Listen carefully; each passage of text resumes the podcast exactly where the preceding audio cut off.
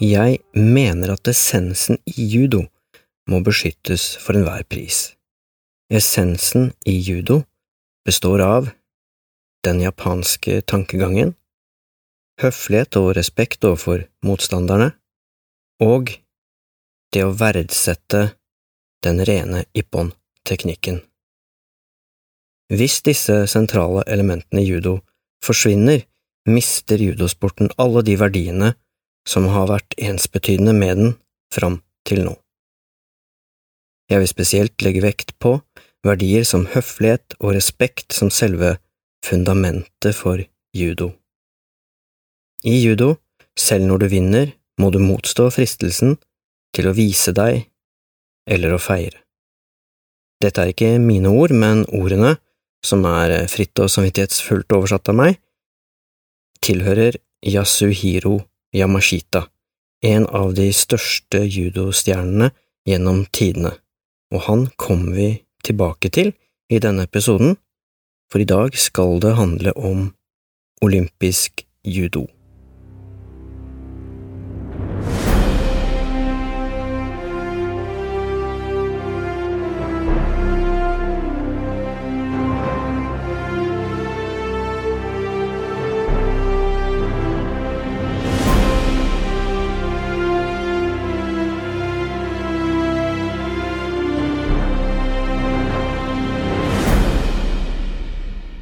Og velkommen til Judomania. Jeg heter Arne Midtlund, og jeg har trent judo siden 1983, fikk svart belte i 1989 og har lagd en nettside om judo siden 1997. Den finner du på judomania.no. Der finner du også denne podkasten på judomania.no skråstrek podkast, og den finner du overalt ellers også der du hører på podkaster, Apple, Spotify, Google og så videre. Abonner gjerne, eller følg podkasten hvis du ikke allerede har gjort det. Da får du med deg nye episoder annenhver mandag. Et annet godt tips er å melde seg på nyhetsbrevet fra Judomania. Da mottar du ett, og bare et eneste, nyhetsbrev i måneden, og i det brevet får du med deg de siste sakene på nettsida, pluss informasjon om hva som skjer på podkasten. Og hvor finner du dette nyhetsbrevet, lurer du sikkert på? Eh, jeg har prøvd å gjøre det enkelt, så du skriver rett og slett judomania.no skråstrek nyhetsbrev, altså judomania.no skråstrek nyhetsbrev, så finner du en enkel liten side der hvor du kan melde deg på nyhetsbrevet. Om bare fem dager, fire–fem dager, så starter judokonkurransene i OL i Tokyo, og hva passer vel bedre da enn noen olympiske minner og litt fakta om judo i de olympiske leker. Et av mine aller første olympiske judominner stammer fra 1984, da Yasuhiro Yamashita vant OL-gull i Los Angeles. Dette var jo på 80-tallet, og den eneste kilden jeg hadde til nyheter om judo, var det jeg kunne se på TV, og det var jo tilnærma ingenting. Eh, det trenerne fortalte meg, og det var vel egentlig de to kildene jeg hadde. Eh, internett var ikke tilgjengelig før ti år seinere, og eh, for min del så ante jeg ikke at eh, judobøker fantes, jeg var bare 13 år på den tida her. Men faktisk, da OL i Los Angeles fant sted, så viste NRK en del reportasjer også om, om judo. For folk flest var nok Carl Lewis med sine fire OL-gull den store idrettshelten. Eh, for meg, som hadde begynt på judo for ett år siden, så var det judo jeg var sultefòra på, men det ble det lite av på TV. Eh, I Norge så var vi mye mer opptatt av at dette var Trine Hattestads første OL. Hun deltok i spyd, og Jon Rønningen deltok for første gang i bryting og fikk femteplass i dette OL. Og så var det, utrolig nok, eh, bloddoping var lov. Det var siste OL der bloddoping var lov. Forbudet kom et år seinere, i 1985. Men plutselig så dukka det opp en reportasje om en nærmest uovervinnelig judoutøver, Yasuhiro Yamashita, og det var et av disse klassiske OL-innslagene med dramatisk musikk som setter den rette stemningen, og en radiostemme som forteller om judo, ispedd noen dype sitater som Bend like a bamboo and strike back.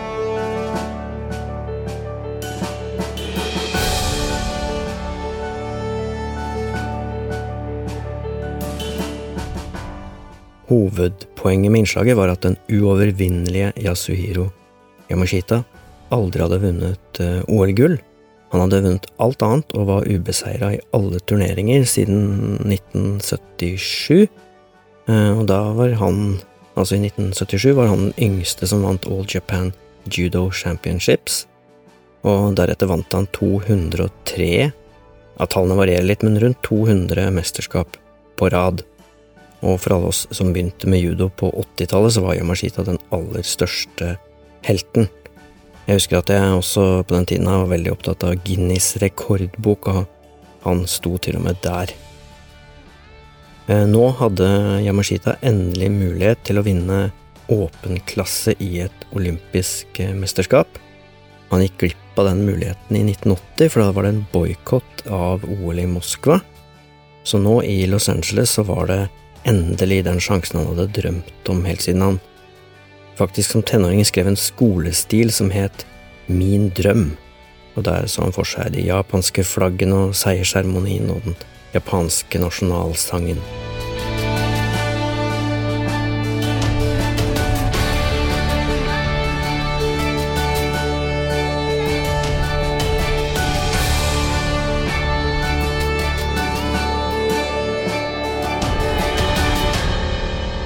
Og innledningsvis så ser alt veldig bra og lovende ut. Eh, I kampen mot Lasana Coley fra Senegal så vinner han på bare 28 sekunder. Den neste kampen varer i tre minutter, og der klarer Yamashito å beseire Arthur Schnabel fra Tyskland, men i løpet av den kampen så ødelegger han en muskel i leggen, og ganske alvorlig, og hvis dere ser på YouTube, eh, så kan dere se fra TV-bildene at eh, den store mesteren Yamashita knapt klarer å gå. Og ikke uventet så eh, angriper den neste motstanderen hans, Laura del Colombo fra Frankrike, konsekvent det skadde benet, og Yamashita sier jo selv i etterkant at det ikke var uventa, at han ville gjort akkurat det samme. Men han kjemper seg nå videre til finalen. Finalen finner sted i Eagles Nest Arena, og der går Yamashita mot Mohammed Ali Rashwan, og han klarer å beseire sin egyptiske motstander. Rashwan forsøker på noe som ser ut som en venstre osotogari, altså feie det venstre benet til Yamashita. Yamashita går et lite skritt bakover, slik at han kun bruker armene for å legge Rashwan ned i bakken, og her følger han opp, Yamashita altså, vår helt, han følger opp med et holdegrep, en yokoshio gatama, altså han holder Rashwan fast fra siden, og han klarer å holde dette grepet helt til han har vunnet finalen. Og etter kampen er det jo rørende å se både hvor mye det betyr for Yamashita, og at den tapende finalisten fra Egypt hjelper seierherren opp på seierspallen. Så her kan man jo enkelt se at eh, respekt og vennskap og høflighet er blant grunnverdiene i judo. Yamashita, som er opptatt av at judoutøvere alltid skal vise seg som verdige vinnere og tapere, eh, slik vi hørte i det sitatet jeg starta denne episoden med, sier i et intervju i etterkant av kampen at han aldri har vist så mye følelser etter en seier som nettopp denne gangen, og det ser vi også på videoen at Yamashita klarer her ikke å holde tårene tilbake og er tydelig rørt og lettet over å ha vunnet, og heldigvis, holdt jeg på å si, eh, viser Yamashita seg fra en menneskelig side, da. Yasuhiro Yamashita blir med denne seieren mer legendarisk enn han allerede var, eh, hvis man kan gradere legendarisk. Og Rashwan på sin side vinner en Fair Play-pris på grunn av måten han takler tapet på.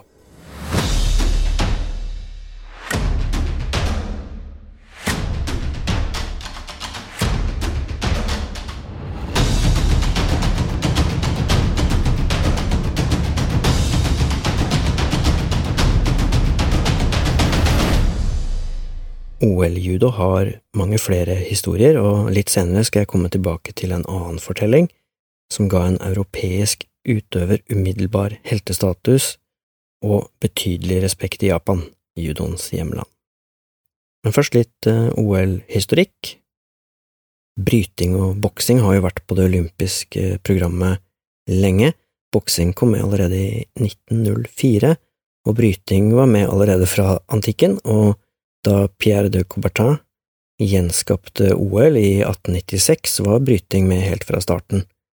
Og taekwondo har vært med noen år, som prøvegren under både OL i Seoul i 1988, naturligvis, og i Barcelona i 1992, og karate er med nå som et engangstilfelle, så syns jo jeg selvfølgelig da at judo er den ultimate olympiske kampsporten.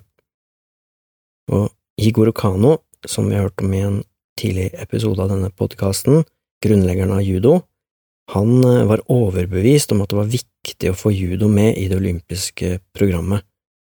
Eh, han tenkte både at det ville gjøre judo kjent over hele verden, og fordi han mente at de grunnleggende verdiene i judo passet som hånd i hanske med de olympiske verdiene.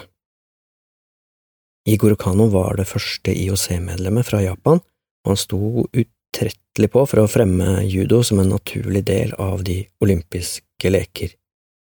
Og han var en del av den japanske delegasjonen ved tre ulike OL, både i 1928 i Amsterdam, i 1932 i Los Angeles og i Berlin i 1936.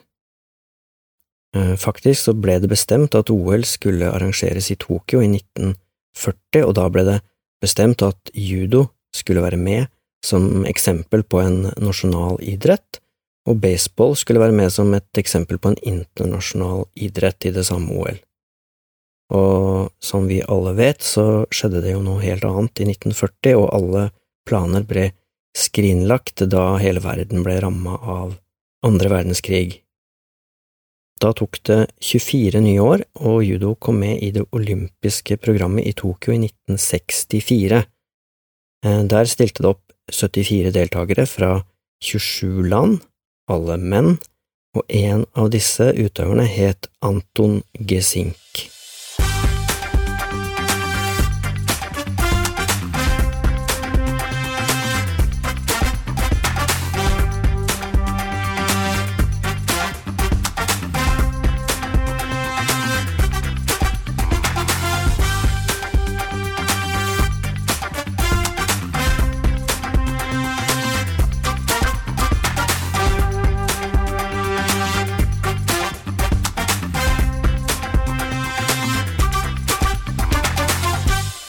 Anton Gesink fra Holland var fysisk en kjempe, en ruvende skikkelse. Eh, født i 1934, døde i 2010. Men i fysisk forstand altså, så var han helt enorm. Han var 1,96 høy og veide rundt 114 kilo. Eh, han begynte å trene judo 14 år gammel, og tre år seinere bare så vant han sølv i EM, altså 17 år gammel og fra da så kom han til å dominere europeisk judo i de neste 15 årene. Anton Gesink var fast bestemt på at han skulle delta i OL, og allerede i 1960 så hadde han prøvd å kvalifisere seg i bryting, altså som utøver i bryting, men det gikk ikke. Så nå, eh, fredag 23. oktober 1964, i selveste Nippon Budokan, der også konkurransene skal gå i årets OL, var eh, Anton Gesink veldig glad for å kunne delta som judoutøver. Han hadde allerede vunnet VM i åpen klasse i 1961, og han var den suverent beste utøveren i Europa, og det er jo ingen hemmelighet at han vant OL-gull i 1964, og dermed ble den første europeeren som vant et judogull i OL. Finalekampen varte i 9 minutter og 22 sekunder. Men hvordan gikk nå denne her turneringen til, hvordan var det med disse kampene, hva måtte han gjøre for å uh, bli olympisk mester? I den første kampen uh, gikk han mot Akio Kaminaga, som hadde vunnet sølv i VM i 1958, så han var da en av favorittene til å vinne åpen klasse. Uh, kampen endte til slutt med en dommeravgjørelse, altså betyr at det var en veldig jevn kamp, og at dommerne til slutt stemmer over hvem som vinner, og her ble Gesink utropt som vinner av den kampen.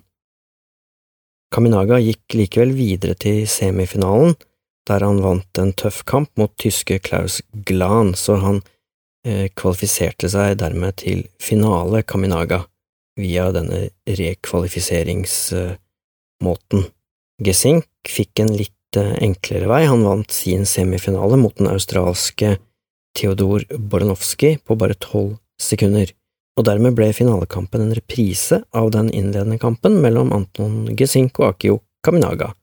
Dette ble også en svært jevn kamp, noe kamptiden på 9 minutter og 22 sekunder kan tyde på, og i løpet av de ni første minuttene var det lite som skilte utøverne fra hverandre, men så forsøker Kaminaga å kaste Gesink med et Koshi Guruma-lignende kast, altså et hoftekast, og dette blir kontret da av eh, Gesink som klarer å feste et standard holdegrep på den japanske utøveren.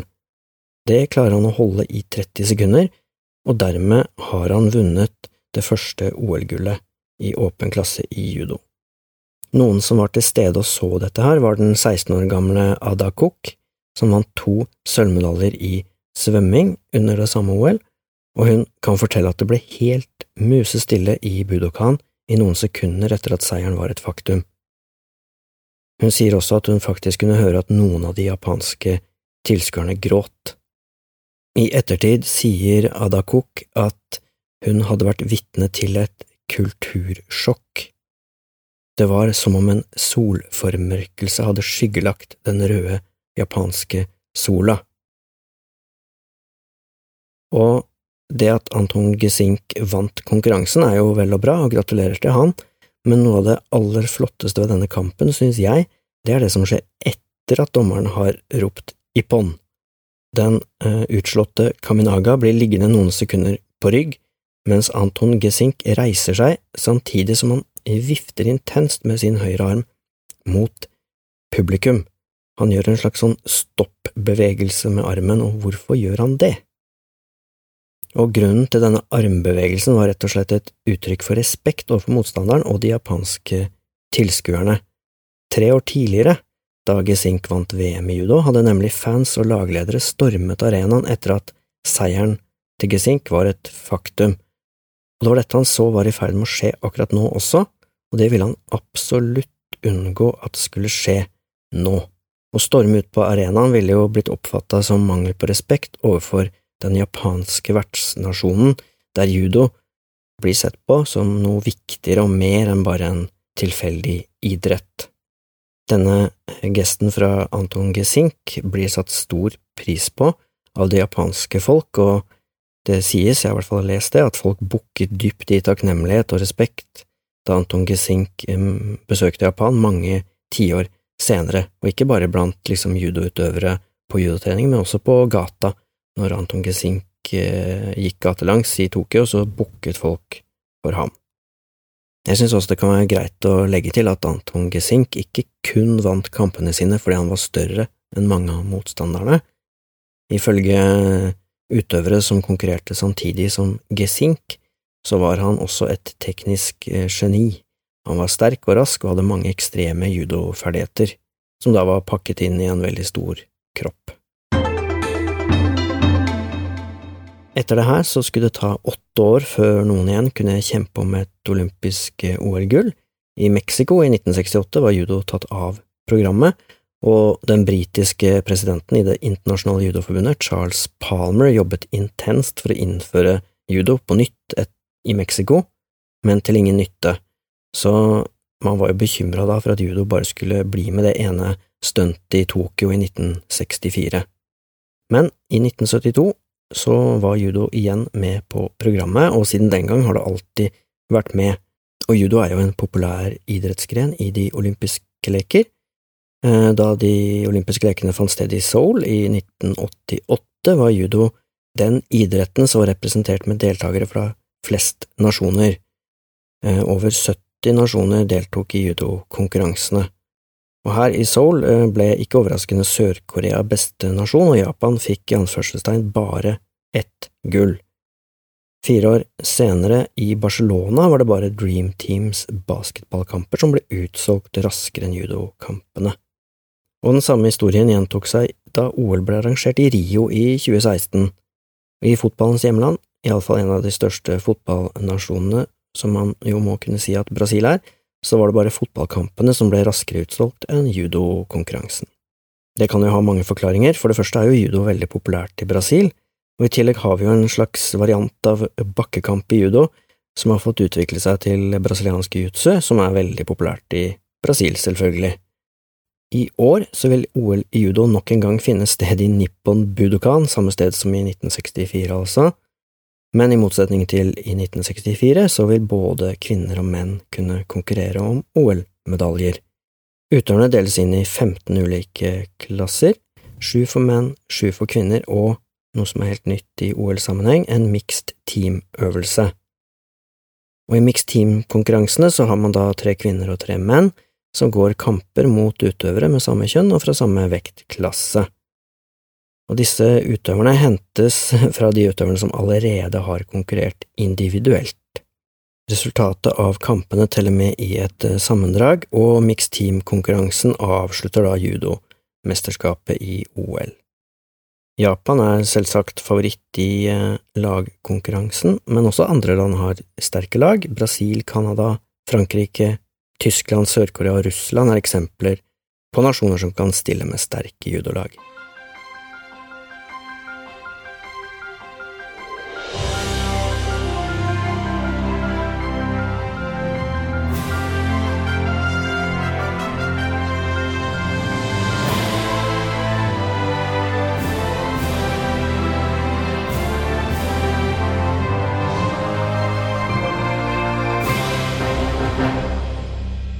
Litt statistikk til slutt, kanskje. Hvilke nasjoner er de beste i judo? Og når det gjelder OL-gull, så er det ingen som kan måle seg med Japan.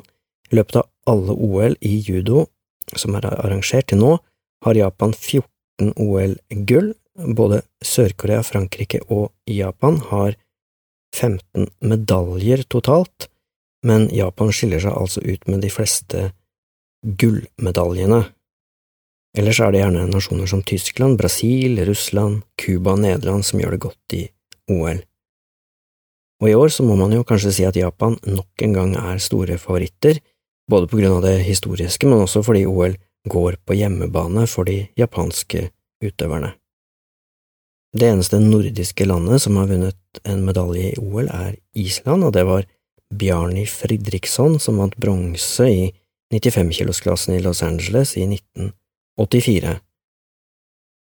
Norge har også hatt deltakere i OL. I 1984 så hadde vi med tre utøvere, Frank Evensen, Alfredo Chinchilla og Fridtjof Thon deltok, og i 1992 så deltok Stig Tråvik i OL. I 2007 så vant Joakim Vårdal Jensen fra Vøyenenga Special Olympics i Kina. Avslutningsvis så kan vi også nevne at et av våre største judotalenter, Madeleine Rubenstein, lenge lå an til å kvalifisere seg til OL i 2020, men dessverre så dukket jo opp en pandemi som gjorde at OL ble utsatt et år, og Madeleine valgte å operere en skadet skulder, og så eh, la hun opp OL-satsingen. Men vi kan jo se henne i høstens utgave av Mesternes mester, og det kan det være greit å følge med på. Med det så eh, runder vi av dagens episode. Jeg oppfordrer alle til å ta en kikk på noen OL-kamper i judo. Har du kommentarer eller innspill til det du har hørt, eller kanskje har noen ideer til noe jeg kan snakke om, kommenter gjerne på judomania.no skråstrek podkast. Det var alt for denne gangen. Takk for at du hørte på. Ha det bra.